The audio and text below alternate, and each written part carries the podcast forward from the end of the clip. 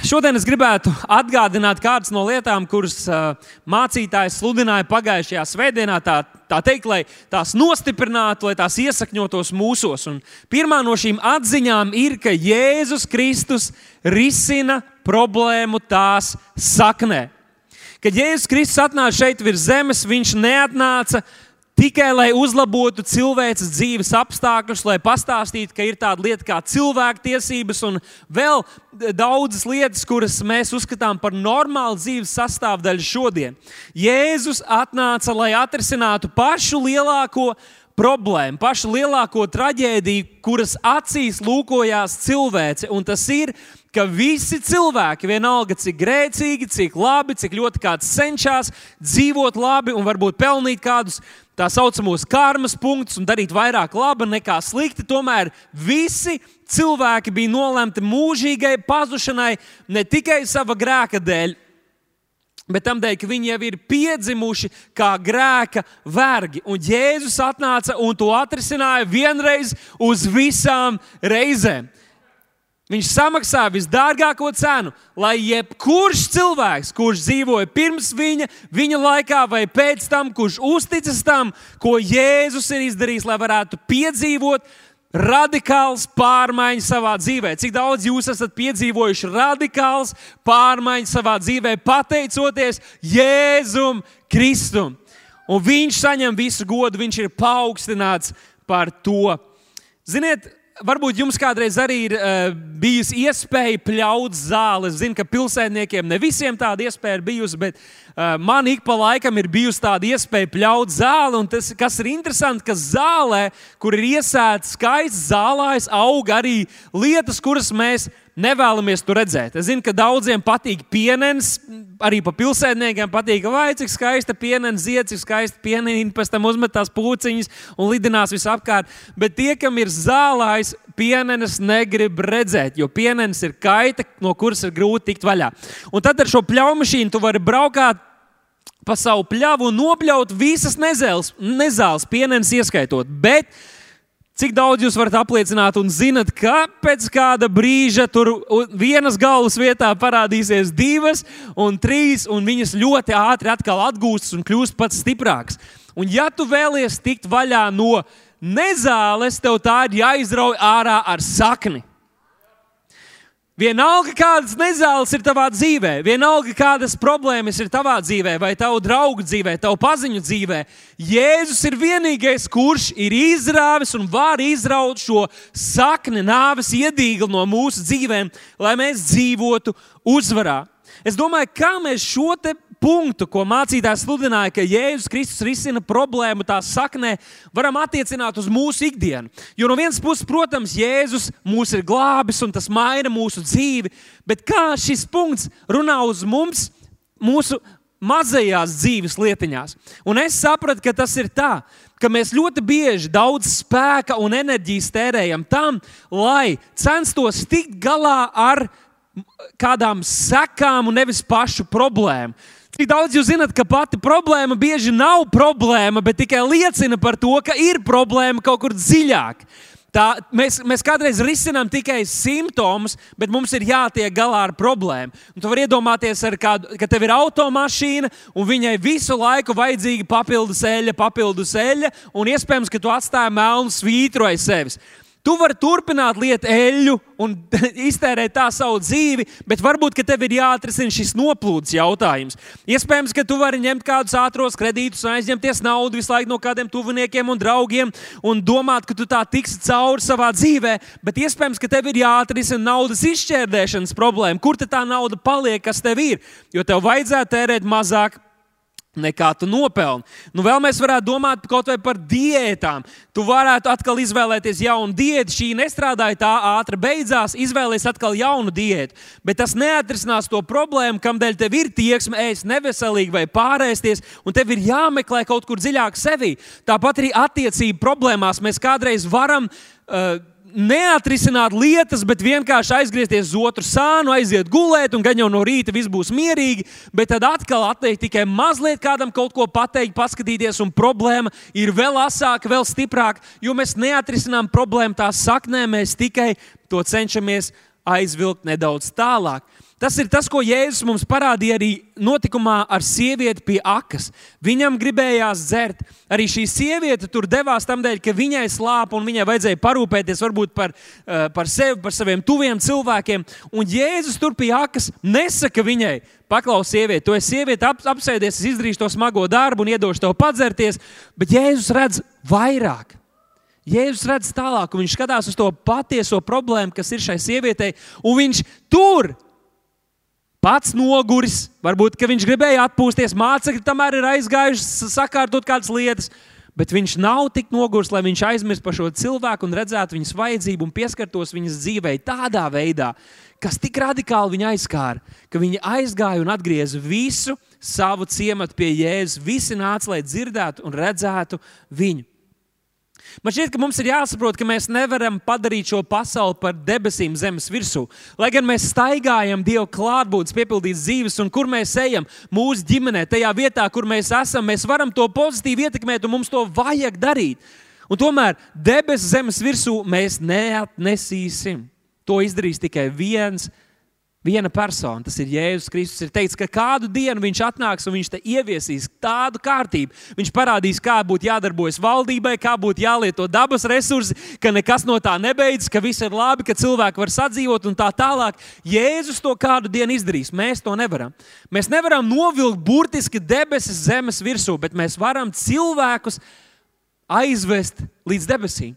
Mēs varam būt viens no, cilv... no tām personām, kuras Dievs lieto, lai cilvēku šeit virs zemes, kur ir pazuduši, kur ir savās kaut kādos jautājumos un problēmās, lai mēs parādītu viņiem ceļu uz debesīm. Un tam mēs arī esam aicināti.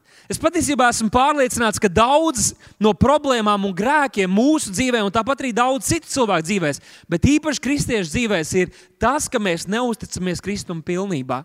Es nezinu, par kādu mēs savas dzīves sfēru varētu runāt. Varbūt tas ir, tu, tu nejūties, ka tev kā vecākam padodas, varbūt tas ir finansiāli, varbūt ir kādas atkarības, kādas mīsīgas lietas, kuras atkal un atkal tevi novelk zemē, kas, kur atkal un atkal tu krīti. Es ticu, ka, ka, ka atbilde ir tajā, ka tev ir pilnībā arī šī sfēra jāuztic Kristum un jāiegūst pilnīgs piepildījums no viņa viena. Jo kamēr tas tā nav, šīs laicīgās un iesīgās lietas turpinās kontrolēt un var turpināt kontrolēt mūs, jo ko dēls dara brīvu, tas patiesi ir brīvs, un ja tu vēlies patiesu brīvību, tad tas nenāks no tava paša centieniem, tas nenāks no psihologiem, tas nenāks no politiķiem, tas nenāks no jebkura cilvēka, kuram tu varētu uzticēties, bet tas nāks no tā, ka tu sastapsies ar dzīvo Dieva dēlu, kurš patiesi dara brīvu. Tad neļaujies atkal iejūgties jebkāda veida kalpības jūgos šeit virs zemes. Otrā lieta, kas mums ir jāatcerās un jāsaprot, ir, ka Jēzus risināja problēmas, nevis pagāja tām garām. Un šis ir svarīgi to saprast. Jo mēs varam būt tik ļoti pārņemti ar pirmo punktu un teikt, jā, Jēzum neinteresē nekas šajā pasaulē. Un to mācītājs pagājušajā mums centās parādīt, ka tā nebija. Ka Jēzus atrisināja pašu svarīgāko problēmu, tā saknē, bet viņš arī risināja un iejaucās cilvēku dzīvēm Pavisam arī mazās lietiņās, kur viņš tās saskatīja. Jā, protams, apkārt bija cilvēki, kuriem bija vajadzības, un viņi, Jēzus pagāja garām, bet tie, kas viņu meklēja, tie, kas bija atvērti, tie, kas sauc uz viņu, viņš apstājās un palīdzēja. Bija reizes, kad viņam pašam ar mācekļiem būtu pieticis pāriest, bet viņš redzēja tūkstošiem cilvēku, kuri bija izsalkuši un viņa sirds iežēlojās. Bija reizes, kad viņš gāja darīt kaut ko nozīmīgu un svarīgu ar svarīgiem cilvēkiem, bet tad kāda no sabiedrības zemākā slāņa pieskārās viņam, sauc uz viņu, un viņš visu atstāja, apstājās, lai palīdzētu un kalpotu šiem cilvēkiem. Viņš reiz stāstīja stāstu par žēlsirdīgo samarietu, un mēs to bieži lietojam, lai runātu, ka mums vajadzētu būt tādiem, kas mēs apstājamies, noliecamies un palīdzam. Bet svarīgākais ir saprast, ka Jēzus šajā stāstā ir šis žēlsirdīgais samarietis. Mēs bijām ievainoti, mēs bijām salauzti, mēs bijām apzakti. To bija izdarījis vēlns un grēks un šīs pasaules lietas. Un Jēzus apstājās, lai mums kalpotu. Katram no mums personīgi viņš pat šobrīd darbojas mūsu sirdīs, mūsu dzīvēs, un to cilvēku dzīvēs, par kuriem mēs lūdzam. Lūkšana dara lielas lietas. Jēzus apstājās, lai palīdzētu.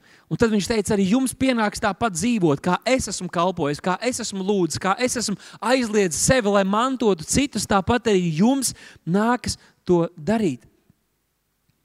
Jēzus risināja problēmu, problēmas nevis pagaidām garām. Šeit profesors Alvins Šmits ir apliecinājis šādu frāzi, ka Jēzus bibliskā mācība un rīcība izaicināja gandrīz visu, par ko romiešu pasaule stāvēja. Jēzus bibliskā mācība un rīcība izaicināja gandrīz visu, par ko romieši tā laika pasaule, kas bija varenākā impērija, visu, gan, gandrīz visu, par ko tā stāvēja. Un tātad Jēzus ar savu rīcību un mācību ne tikai izaicināja reliģisko vidi, kur bija daudz cilvēku veidotas mācības un lietas paražas, kuras dievam bija nepieņemamas un svešas, un tās nebija pareizais ceļš pie dieva bet arī politisko un arī ikdienišķo kārtību, kas tajā laika sabiedrībā tika uzskatīts par normu, un tā ir normāla, tā vajag. Jēzus runāja lietas, kuras, kas cilvēkiem likās nepieņemamas. Tāpēc pirmkārt, ļaujiet man pateikt, ka arī mēs, kad mēs stāvēsim par to, kas ir patiesa, kad mēs stāvēsim par to, kas ir svēts, arī šajā laikā tas var nākties, ka mēs, mēs nostājoties par to, kas Dievam ir svarīgs, Kādiem var šis, ka mēs stāvam pret kādu, bet tā nekad nav mūsu pozīcija. Mēs esam par dievišķo, mēs esam par svētu, mēs esam par visu šo, kas dievam ir labs, tīkams un pilnīgs. Interesanti, ka gandrīz viss, ko mēs šodien uzskatām par pašsaprotamu, dzīvojot rietumu pasaulē, vai arī jebkurā citā pasaules malā, mēs redzam pēdas no kristīgās kustības un no šīm lietām, kuras Jēzus iesāka un paveica. Viss, ko mēs uztveram par pašsaprotamu vai labu, tas ir tāds tam dēļ, ka šeit ir pieskārusies Jēzus mācība. Šeit ir šo kultūru un vidi radījusi Jēzus mācība un tas, kā viņš ir dzīvojis. Pastāstiet pirmā gadsimta, otrā gadsimta cilvēkiem par cilvēktiesībām, par korupciju, par tautas eh, varu, par korupcijas apkarošanu vai pat par tolas papīru, kādu mēs baudām šodien. Ļaujiet man paprasīt jums, ļaujiet man paprasīt tiem, kas varbūt šaubās, kas bija tie, kas aizsāka rūpēties par trūcīgajiem, par dzīves nedēļiem, kas aizsāka rūpēties par slimajiem, kas tika padzīti no sabiedrības, no kuriem vairījās un nevēlējās tos redzēt. Kas uzsāka labdarību? Mūsu mūs sabiedrībā tik daudz lepojas, kad aizsūta kādu, kādu ziedojumu kādām labdarības organizācijām. Viņi to dara tam dēļ, ka viņi dzīvo kultūrā un vidē, kurai pieskārās Jēzus.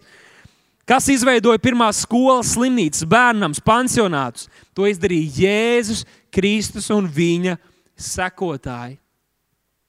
Daudz no mūsdienu atpazīstamākajām universitātēm arī sākās kā kristīgas ar kristīgiem mērķiem. Ir kritiķi, kas saka, ka kristietība ir bremzējusi zinātnes attīstību. Bet vēsturnieks doktors Rodnijs Stārks saka, ka vadošie zinātnieki 16. un 17. gadsimtā vairumā bija nodevušies kristieši, kuri ticēja, ka tas ir viņu pienākums izprast dieva roku darbu. Tad, kad citi šīs nozares pārstāvi teica, nu, ko mēs tur ņemamies ar tiem sīkumiem, Kristiešiem bija pārliecība, ka, ja Dievs to ir radījis, tajā ir daudz kas, ko pētīt, un to pētot un atklājot dabas un, un, un, un, un fizikas likumus, mēs varam arī vairāk iepazīt Dievu, kurš to ir radījis. Un atklājot šos dabas likumus, fizi, fizikas likumus un daudzas citas lietas, mēs spēsim labāk parūpēties arī par cilvēku vajadzībām un risināt cilvēku problēmas. Tā kā neļausim, lai kādi kādi apgalvojumi, ko kāds tā akli izmet pret kristietību un pret Dievu, ka tie tur tā paliek. Jo pētīsim un zināsim par to, ka kristietība un Jēzus Kristus bibliskā mācība ir tā, kas veidoja šo sabiedrību, kurā mēs dzīvojam. Es gribētu jums šodien piedāvāt trīs Jēzus izteicienus vai tādus kā precedentus, kur mēs redzam, ka kaut kas notika tā, lai kultūrā, kas izmainīja vēstures gaitu.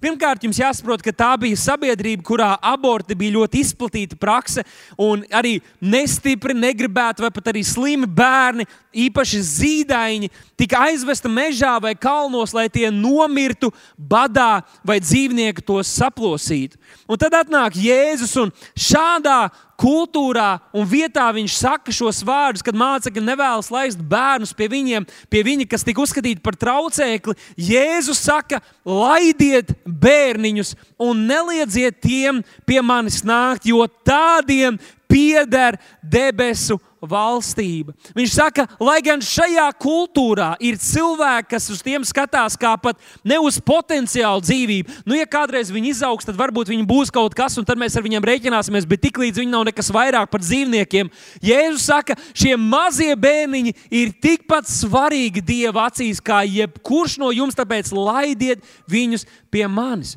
Vispār, kādēļ mēs dzīvojam kultūrā, kur, kur ir cilvēku tiesības, kur ir jārūpējas un jāgādā par tiem, kas ir trūcīgāki, kam kaut kas ir vajadzīgs? Tādēļ, ka Bībele saka, ka mēs visi esam radīti pēc Dieva tēla un līdzības, jo ir Dieva pirksts nospiedums pār katru cilvēku. Pasaki, kur vēl nāk šis paskaidrojums, kādēļ mēs tā darām rietumu kultūrā?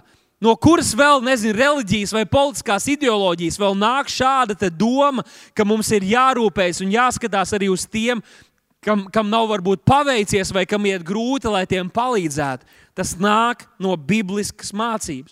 Otrakārt, mēs redzam, ka šajā laikā, kurā Jēzus dzīvoja apkārtējās kultūrās, eh, grieķu un romiešu kultūrās, bija ļoti izplatīta homoseksuālas attiecības, arī ļoti izplatīta pedofīlija, tātad vīrieši ar, ar maziem zēniem. Tāpat arī laulība kā tāda netika godāta, eh, sievietes tika uzskatītas par zemāku kaut ko eh, sabiedrībā, un, un, un vīrieši bieži izturējās gan vardarbīgi, gan citādi, pazemoja sievietes, un laulības nebija svētītas līdz ar to. Un tad atnāk Jēzus un Mateja Vangelī 19. nodaļā viņš saka, tādēļ cilvēks atstās savu tēvu un māti un pieķersies pie savas sievas, un šie divi būs viens vesels. Vēlāk apstuļi arī būvēja uz šiem Jēzus vārdiem, kur viņš bija atsaucies uz Mozus grāmatu un turpināja nostiprināt uh, laulību un turpināja nostiprināt arī sieviešu tiesības sabiedrībā. Turpat vēlāk, 9. pantā, Jēzus saka, ja kāds šķiras no savas sievas, ja ne netiklības dēļ, viņš pārkāp laulību un spiež to darīt arī šo sievu, uz ko mācekļi, dievbijīgi mācekļi viņam blakus līdzās stāvot, teica, Bet tas taču ir grūti. Tad jau tas ir ļoti e, grūti ir iet laulībā. Varbūt to pat nevajadzētu darīt, ja šādus noteikumus tu izvirzi šajā laikā, kurā mēs dzīvojam. Un tā rezultātā liels pārmaiņas notiek. Mēs redzam arī, ka Jēzus ir pie sava krusta karājoties, kad viņa māte, kur acīm redzot, kuras vīrs ir miris, un acīm redzot arī citu apgādātāju, viņai nebūtu bijis, tad viņa būtu palikusi ļoti skumjos apstākļos. Tajā laikā nebija nekāda ne pabalsta, ne pensiona, nekas tāds vēl. Un Jēzus tur pie krusta karājoties, viņš redz šo savu māti, un viņš saprot, ka viņam ir jā, jāizdara kaut kas, kas ietekmēs cilvēces vēsturi. Un tur karājoties pie krusta, viņš saka savam māceklim Jānim, redzi, tava māte, un rakstīts no tā brīža māceklis viņu ņēma pie sevis. Tātad viņš parūpējās par savu sirmo māti. Kas notika? Indijā tika pārtrauktas atraitņu dedzināšanas, kad vīrs tika apbedīts, eh, bija prakse sadedzināt līdz ar to arī viņa sievas. Tas tika pārtraukts kristīgas mācības rezultātā. Pārtrauc Āfrikā sievu un konkubīnu nogalināšanu, kad kāds silts vecākais nomira, lai viņas aiziet līdz ar viņu. Kristīgā mācība ir ietekmējusi visu pasauli, visās malās, kurien mēs ejam. Vis, ļoti daudz no tām lietām, kas ir labas un brīnišķīgas un ir mainījušās, tās ir ietekmē, Jēzus Kristus un viņa mācības ietekmē mainījušās. Kristīgās mācības rezultātā Romas imperators pārtrauc brutālās gladiatoru spēles, kuras līdz tam septiņus gadsimtus kļuva aizvien populārākas un pieprasītākas. Pēkšņi tās beidzas tam dēļ, kad šī mācība sāk izplasties. Agrīnā draudzene, 2. un 3. gadsimtā vēstures dokumenti liecina par to, ka viņi sludināja pret vergturību un biskupu klātbūtnē. Tika atlaista vergi slavēšanas laikā, kad atnāca cilvēki un atlaida savus vergus, un viņi kopā slavēja Dievu un pagodināja viņu, sakot, mēs esam līdzvērtīgi un vienlīdzīgi Tēva acīs. Ko es gribu pateikt? Jēzus atrisināja problēmu tās saknē, bet viņš ar savu mācību, ar savu rīcību un vēlāk viņa sekotāji, atdarinot to, ko bija redzējuši, ko Jēzus dara, izmainīja un ietekmēja visas pasaules sfēras tās vēsturē.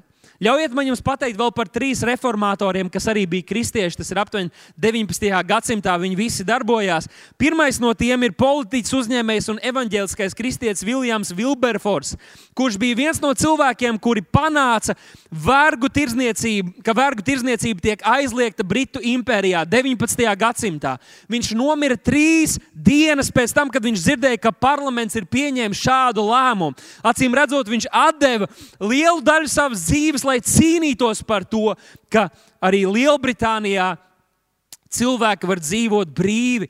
Otrais vīrs ir vācu mācītājs Dīdrichs Bonhofers. Viņš iestājās pret Hitlera politiku un fašisma izplatīšanos šajā reģionā. Viņš tika pakāpts 39 gadu vecumā. Trešais ir mums zināmais mācītājs, doktors Mārtiņš Luters Kings juniors. Viņš iestājās pret rasismu un uzsāka cilvēktiesību kustību. Amerikas Savienotajās valstīs viņš tika noslapkavots, nošaujot 39 gadu vecumā. Kristietis un divi mācītāji. Ko es cenšos pateikt? Šie nav visi tie vīri. Dievs ir lietojis daudz un dažādus cilvēkus pasaules vēsturē, lai atnestu reāls pārmaiņas arī sabiedrībā, lai risinātu reāls problēmas, kādas pastāv. Un arī šodien es ticu, mēs draudzē ticam un lūdzam par cilvēkiem mūsu draudzē, un mums ir tādi, kas dažādos līmeņos risina dažādas problēmas, kur jābūt vēl pārmaiņām, kur varētu būt labāk, kur ir, ir, ir biblisks standarts un veids, kā lietām vajadzētu notikt. Un tomēr, ko vajadzētu saprast, ir, ka šie vīri bija kristieši un mācītāji Tas bija viņu aicinājums. Jēzus aicinājums bija šeit atnākt un atdot savu dzīvību par avīm, lai glābtu cilvēkus. Un šie vīri atsaucās, acīm redzot, šajā laikā, riskējot ar savām dzīvībām. Bet ko darīja viņu draugs? Ko darīja draugs šajos laikos? Draugs sludināja evaņģēlīju. Draugs sludināja evaņģēlīju. Lai gan ir lietas, par kurām mums ir jāiestājas, un Dievs mums katram dod specifiskus aicinājumus šajā laikā, kādas problēmas, kuras mums ir jārisina, kur mēs varam būt par svētību. Un tomēr mums visiem kopā vienojoši ir tas, ka Dieva evaņģēlijas vēl aizvien ir jāsludina. Vēl aizvien ir cilvēki mums apkārt, kur iet pazušanā, kuriem ir jādzird evaņģēlijas un jāatsaucas tam. Cilvēki, kur iebilst kristīgajai mācībai, to dara tam dēļ, ka viņi dzīvo vietā, kur viņi to drīkst darīt. Tam dēļ, ka viņi dzīvo vietā, kur kristīgās mācības rezultātā viņi ir apmācīti un sagatavoti tā, ka spēj arī domāt patstāvīgi Un tā kā mums ir jāsaprot tas, ka Dievs ir radikāli mainījis kopš Jēzus Kristus dzīves šeit, ir ietekmējis sabiedrību, un mums vēl aizvien ir šis pats pienākums. Bet domājot par šiem revolucionāriem, kas izmainīja tiešām lietas kopā ar kādiem do, domu biedriem, es nonācu līdz jautājumam, kas tad ir risinājums Latvijas problēmām. Jo mēs visi apzināmies, ka Latvijā problēmas ir daudz, Bet tu vari aizbraukt uz jebkuru pasaules vietu, un, ja tev liekas, ka tur viss ir labi, tad aizbrauc uz turieni un mirkli padzīvo, parunā ar kādiem cilvēkiem, kas saskars ar kādiem izaicinājumiem, sapratīs, ka arī tur ir problēmas.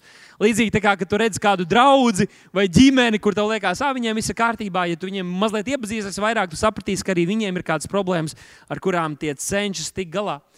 Bet es domāju, kas būtu tas risinājums Latvijas sabiedrībā, mūsu problēmām. Un Es nevis gribēju uztaisīt tādu kā idilu, uh, iedomāties, kā tas būtu, ja notiktu viss, par ko iespējams daudzi kristieši lūdz. Un tas ir, mēs varam sākt ar politiku. Tātad vismaz vairums mūsu saimnes deputātu ir pārliecināti kristieši, katrs kādā draudzē vai baznīcā.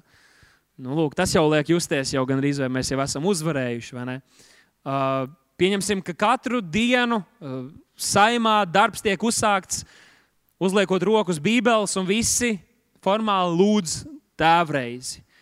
Uh, staigājot pa saimnu un vald, citām valdības institūcijām, uh, pie sienām karājas nevis kādu jau mirušu cilvēku bildes, bet gan desmit baušļu un raksturvietas, kas runā uz viņiem. Mēs varam pārsteigties uz skolām, skolās, universitātēs. Noteikti tas pats - kristīgā mācība. Visās Latvijas skolās - kristīgā mācība jās, jāmāca. Uh, starpbrīžos lūkšanas notiek, organizētas. Iesim vēl tālāk. Valdība aizliedz alkoholu, cigaretes, ātrie kredīti ir aizliegti. Tiek aizklāpēti visi azartspēļu klubi. Es jūtu, kādiem jums pilnīgi sāk straujāk pukstēt sirds. Lā, tas ir tas, ko mēs vēlamies. Bet vai, vai, vai, vai tas atrisinātu mūsu sabiedrības problēmas? Vai tas atrisinātu? Es domāju, ka nē. Mana pārliecība ir, ka tas neatrisinātu problēmas. Ja tas nāktu no, no malas, tā kā uzspiesti, Tas var pat pretēji nostrādāt. Ir tik daudz cilvēku, kas ir bērni, kas ir uzauguši draudzē vai kristīgās skolās, un viņi aiziet un izdara ļoti daudz, aiz, aiziet nododās pasaulīgām lietām. Tas, ko mēs vēlamies, un tas, par ko mēs ticam, ir sirdis izmainītas. Mums jātic par izmainītām sirdīm. Nevis āršķirīgām tradīcijām un lietām, kas arī būtu labas. Nu, cilvēcīgi skatoties, kristietim tas būtu brīnišķīgi, ka kaut kas tāds notiktu. Bet, ja sirds nebūtu izmainīts, tad tas viss būtu tikai teātris. Mūsu mērķis ir izmainīt tas sirdis. Pirms kā laika es redzēju liecību, kur, kurā runāja kāds bijušais musulmanis, kurš ir eh, no Palestīnas. Un viņš stāstīja par to, kā viņš tika audzināts. Viņš uzauga ar naidu pret, pret Izraēlu tautu, ar vēlmu tos noslaucīt no zemes virsmas. Pat bija gatavs arī būt viens no tiem, kurš atdod savu dzīvību, lai nodarītu pāri kādiem ebrejiem. Un viņš runāja par šo naidu un tā tālāk. Un tad viņš nonāca līdz šim konfliktam, kas jau gadu simtiem, gadu tūkstošiem pastāv tuvajos austrumos. Viņš teica, ka vienīgais, kas šo konfliktu var atrisināt, ir, ja šie cilvēki sastopas ar mesiju. Viņš teica, tikai tas, nekādi miera izlīgumi, tas ir tik dziļi saknē šajos cilvēkos, ka tur var tikai sastapšanās ar mesiju un izmainītas sirdis. Klausieties, izmainītas sirdis. Ja Izraēla tautā, Izrēlā dzīvojošie, kas vēl aizvien gaida mesiju. Daudz no viņiem, viņiem vienalga par mesiju, bet ja viņi atklās un sastapsies un atzīs Dieva dēlu, tas atnesīs radikālas pārmaiņas. Ja tie, kas dzīvo Gazas sektorā un daudz, daudz vietu tur apkārt, kas ienīst šo tautu un ir audzināti tādā veidā, ja viņi sastapsies ar Jēzu Kristu, tas ir vienīgais, kurš var izmainīt viņu sirdis, un tas jau notiek. Tas jau notiek. Mēs dzirdam tik daudz liecības par to, kas jau notiek. Sastapšanās ar Jēzu Kristu izmaina sirdis, un tas ir mūsu mērķis. Nevis uztaisīt tā, ka izskatās, ka mums ir kristīga sabiedrība, bet aizsniegt sabiedrību tās dvēselē, tās sirdī, ielās, skolās, darba vietās, lai viņi sastopās ar Kristu un viņa izmaiņas notiek iekšēji. Lūk, tas ir mūsu sapnis. Tas ir mūsu mērķis, par ko mēs lūdzam un kur mēs tiecamies. Un es esmu domājis par šiem konfliktiem, kas pēdējā laikā ir visā pasaulē, bet arī šeit, Latvijā, starp kristiešiem, pat mūsu draugiem, ir, ir, ir vairāk, kas ir bijuši ļoti emociju pārņemti par dažādiem sīkumiem, kuriem nav nozīmes, kas nav svarīgi. Tev var būt tāds uzskats un tāds uzskats. Tu vari domāt, ka mūsu valsts vienība nospēlē labi pasaules čempionātā. Es varu domāt, ka slikti. Tu vari domāt, ka vajag vakcinēties. Es varu domāt, ka nevajag. Vienalga, tas viss ir otršķirīgi. Mums ir svarīgākas lietas, kas mūs vieno. Bet ziniet, ko es domāju? Vai nav tā, ka Dievs mūs ir radījis ar vēlmi mainīt lietas un būt tiem, kas mēs stāvam par taisnīgumu, kas mēs stāvam par patiesību? Un tad, kad mēs pazaudējam skaidru mērķi, ka mēs atrodam citas lietas, kad, kad mēs pazaudējam skaidru mērķi, šo enerģiju, kuru mēs būtu lietojuši pareizā, bibliskā veidā, ka šī enerģija kļūst, kļūst par destruktīvu. Un mēs atrodam vainu viens pie otra, pie citiem kristiešiem. Mēs skatāmies blakus brāli, tas varbūt nemāķi pacelt rokas, tas tur uzvilcis masku un tā tālāk. Un mēs sākam karot savā starpā, jo mēs esam aizmirsuši par svarīgāko. Jo mēs esam aizmirsuši par to, kur mums patiešām ir enerģija jāvelk šajā laikā, kurā mēs dzīvojam. Un to tik labi var redzēt visā pasaulē, bet pēdējos gados Amerikas Savienotajās valstīs, kad es vēl biju maziņš, tad par Amerikas Savienotajām valstīm runāja kā par iespēju zem. Jo tu vari aiziet tur un sākt biznesu un dzīvot labi, un daudz cilvēku tiecās tur dzīvot. Bet tas nebija viss, kas cilvēkus tur kārdināja. Tad, kad mēs redzējām šo tautu, un ka mēs bijām tur. Cilvēki staigāja apkārt ar, Latv ar, ar Amerikas Savienoto Valstu karogiem, uz mašīnām, uz drēbēm. Viņi dziedāja himnu ar lepnumu par to, ko viņu nācija bija paveikusi Pirmā, Otrā pasaules kara laikā, iznīcot ļaunumu un cīnoties, cīnoties par cilvēku tiesībām un vērtībām, un, un, un, un, un kā evaņģēlis un kā labdarība. No Amerika ir izdarījusi tik daudz laba visai pasaulē. Nu, viņi bija lepni ar to, viņi darīja to. Bet šo pēdējo gadu laikā mēs redzam, ka Amerika ir tikpat sašķelta kā jebkura zeme. Visapkārt sašķelta pēc seksuāla, seksualitātes, seksuālas orientācijas, ādas krāsas, atrašanās vietas, informatīvās telpas, politiskām partijām un tā tālāk. Un viss šī labā enerģija, kas iepriekš viņiem piemīt, ko viņi darīja tik labu, tagad ir cilvēki un spēki un organizācijas, kas lieto to, lai viņi apkarotu viens otru. Lai apkarotu viens otru. Iedomājieties, ja būtu cilvēki, kas ir daudz gadus cīnījušies pret rasismu, tepat Eiropā vai Amerikas Savienotajās valstīs. Un tad viņš vienā dienā pasakā, jā, mūsu zemē noteikti ir kādi rasisti, jo visur ir kaut kāds ļaunums, un mēs nekad netiksim pilnībā no visām pasaules problēmām vaļā. Bet pa lielam rasisms ir beidzies. Mēs dzīvojam kā brāļi. Viņam vairs nebūtu darba. Viņi būtu pazaudējuši vēl kādus rīkus, kā manipulēt un kontrolēt cilvēkus. Kā ir ar tām organizācijām, kas ir gadu desmitiem un simtiem cīnījušies par sievietes tiesībām? Ja viņi pateiktu, paklausieties, tad Latvijā sievietes ir vienlīdzīgas ar vīriešiem. Vīrieši tikai nevar dzemdēt, bet citādāk sievietes var būt prezidents, un sportists, un līderis un uzņēmējs un tā tālāk. Mēs esam vienlīdzīgi atkal būtu pazaudēts kaut kas. Tāpēc gan tajā zemē, gan arī pie mums ir cilvēki, kas dažādos veidos cenšas mūs sarūdīt, un arī kristieši sarīdīt viens pret otru. Un mēs nedrīkstam tam ļauties. Mums ir jāsargā vienotība. Tas ir viens no mūsu pamata tādiem postulātiem draudzē. Un Salamana pamācība 29. nodaļā tur ir rakstīts, ka Kur trūkst vīzijas, tur cilvēki iznīkst. Mūsu Bībelē rakstīts, kur nav atklāsmes, tur tauta kļūst mežonīga un nevaldāma. Un tas runā tieši par to, ka tad, kad mēs pazaudējam skaidru redzējumu par to, kas mums ir jā, jāizdara, mēs sākam darīt to, kas mums nav jādara. Kad mēs pazaudējam skaidru vīziju par to, kas mums ir jāpaveic šajā pasaulē, kamēr mēs vēl te esam, kamēr vēl Jēzus nav atgriezies, mums ir jāizsniedz pasauli tad šī enerģija tiek iztērēta un mēs kļūstam mežonīgi un nevaldām. Un, diemžēl mēs to redzam visapkārt. Jēzus patiešām ir ceļš pie tēva, bet šodien ļauj man te uzdot jautājumu, kurš cilvēkiem parādīs šo ceļu? Viņš ir ceļš, bet kurš cilvēkiem parādīs šo ceļu? Un Pāvils vēstulē romiešiem desmitajā nodaļā viņš uzdeva šo jautājumu. Ik viens, kas piesauc tā kunga vārdu, tiks izglābts. Bet tad viņš saka, kā lai piesauc, kā lai tic, ja nav dzirdējuši. Mūsu atbildība ir pasludināt evaņģēlīju. Mūsu atbildība ir mīlēt un parādīt mīlestību. Un tāpēc šodien es sāku domāt par to, vai, vai nav tā, ka mēs esam pārlieku aizrāvušies ar savas dvēseles pasargāšanu, lai nonāktu mūžībā, ka mēs esam sarāvuši un sadedzinājuši ceļus un tiltus pie cilvēkiem, kuriem vēl vajadzīga sastapšanās ar Kristu. Tas ir iemesls, kādēļ bieži jauni kristieši pie Dieva atved vēl daudzus cilvēkus. Tādēļ, ka viņi tikko piedzīvojuši Dieva mīlestību, viņi vēl ir tajā vidē, kur viņiem apkārt ir cilvēki, kuriem arī tas ir vajadzīgs. Viņa ved to līdzīgi kā samariet pie akas, sastapusies ar Jēzu. Viņa atved pie viņa visu savu ciemu. Cilvēkiem ir vajadzīga sastapšanās ar Jēzu, viņiem ir vajadzīga izmaiņa viņu sirdīs. Ļaujiet man jums paprasīt, kā mēs varam palīdzēt homoseksuāliem cilvēkiem? Viens variants, ko kādreiz kādi domā, ir pateikt, ka homoseksuālas attiecības ir grēks un palīdzēt viņam mainīt šos uzskatus bet tas tikai izpušķos viņa dzīvi.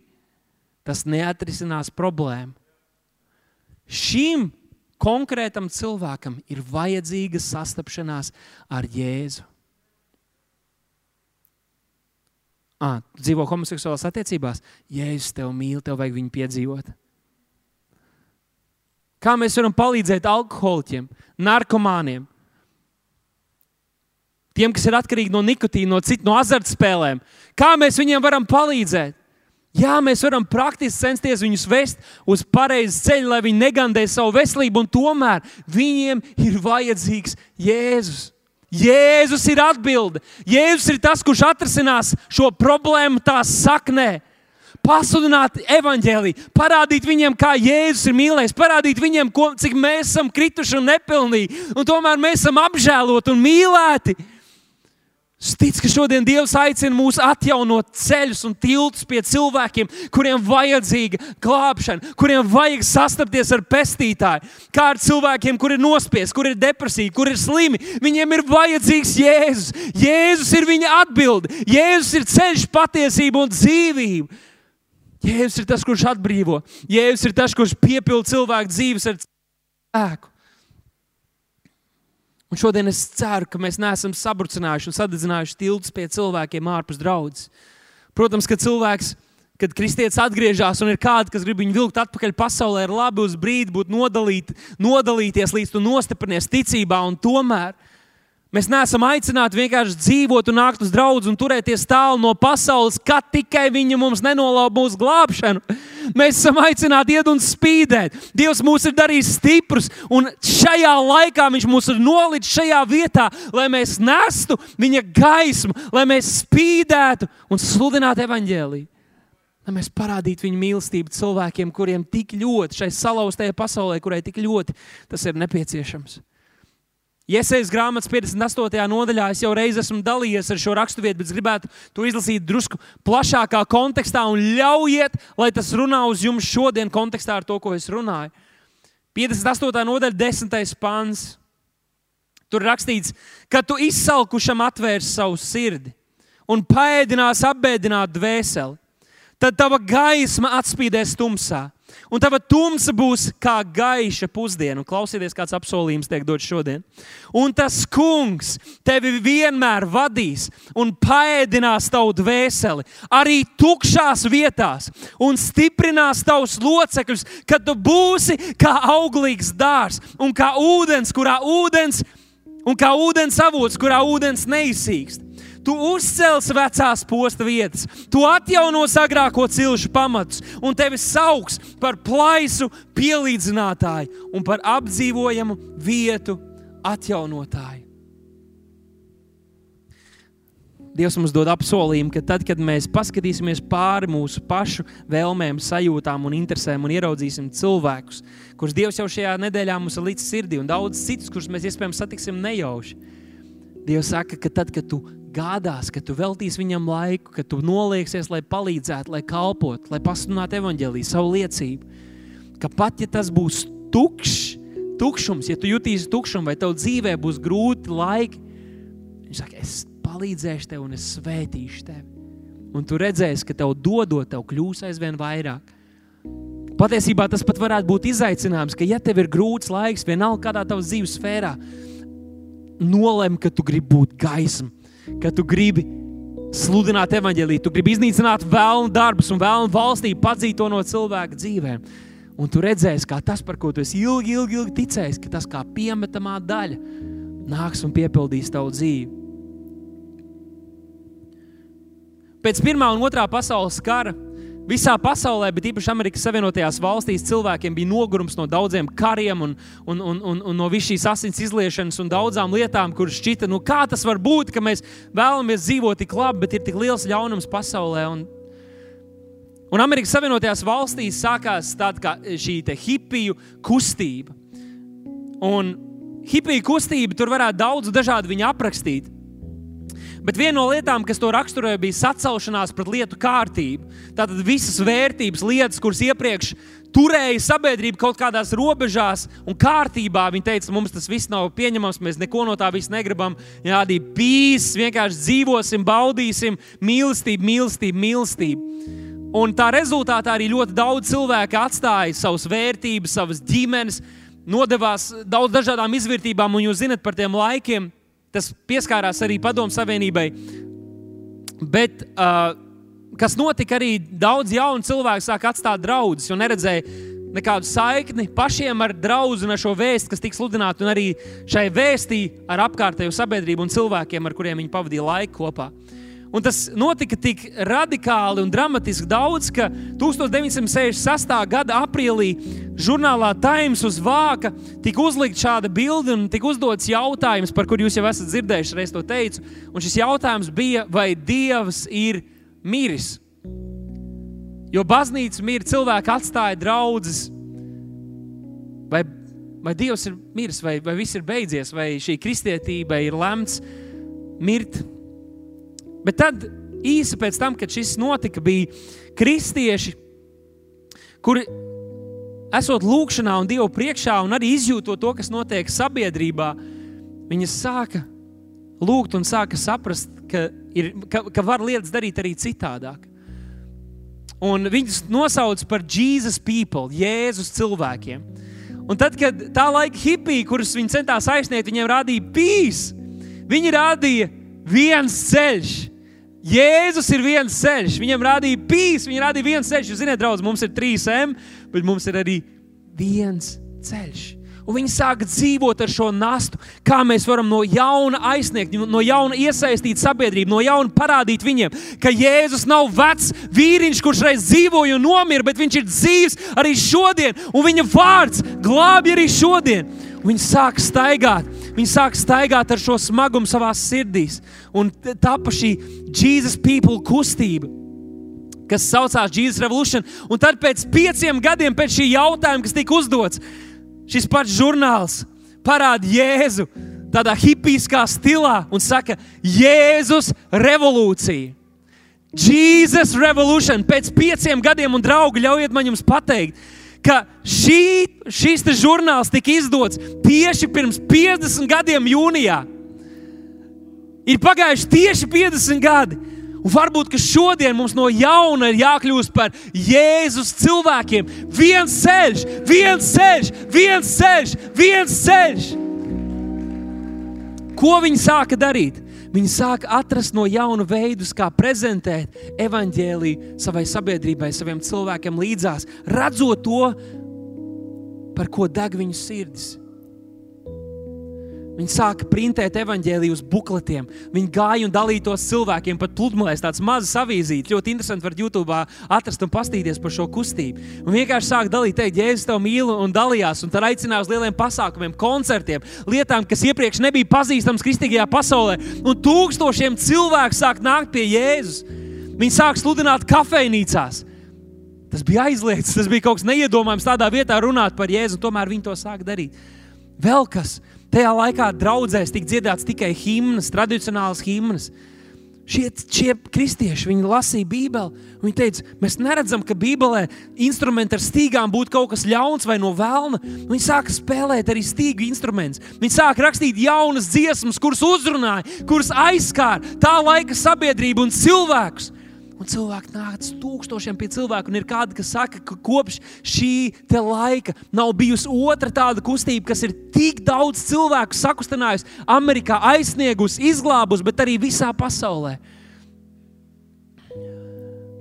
Ko, ko šie kristieši izdarīja šajā smagajā, saspiestajā laikā, kad cilvēki šķita bija sašķelti, sadalīti savā starpā un negribēja neko dzirdēt par reliģiju, Kristu un Dievu, ko viņi iepriekš jau bija zinājuši un dzirdējuši.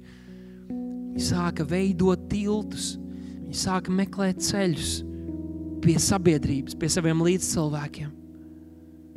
Ļauj es tev nodziedāšu dziesmu par mani Jēzu. Ļauj es tev pastāstīšu, ka es biju seksa atkarīgais, ko Dievs izdarīja manā dzīvē. Ļauj man to pastāstīt, kā Jēzus ir ietekmējis pasauli. Ļauj man to pastāstīt par bedri, kurā es biju, kā viņš piedzīvoja mani. Ja tu gribi būt kopā un svinēt, nāc, svinēsim Jēzu. Mēs kā draugi arī, arī esam apņēmušies darīt visu, kas nav grēks, lai aizsniegtu savu sabiedrību. Un tāpēc mēs strādāsim arī draugu oficiālā smagi un dikti, lai radītu resursus un, un, un iespējas, lai mēs varam aizsniegt sabiedrību, lai jūs tos varat lietot. Bet Dievs aicina katru no mums celties un būt par Jēzus cilvēkiem 21. gadsimtā.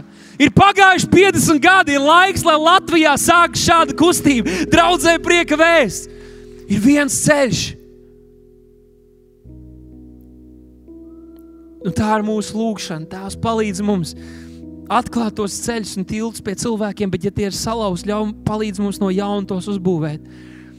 Lai mēs neesam pestītie glābtie, kas mēs priecājamies par savu glābšanu, bet lai mēs to dodam arī citiem.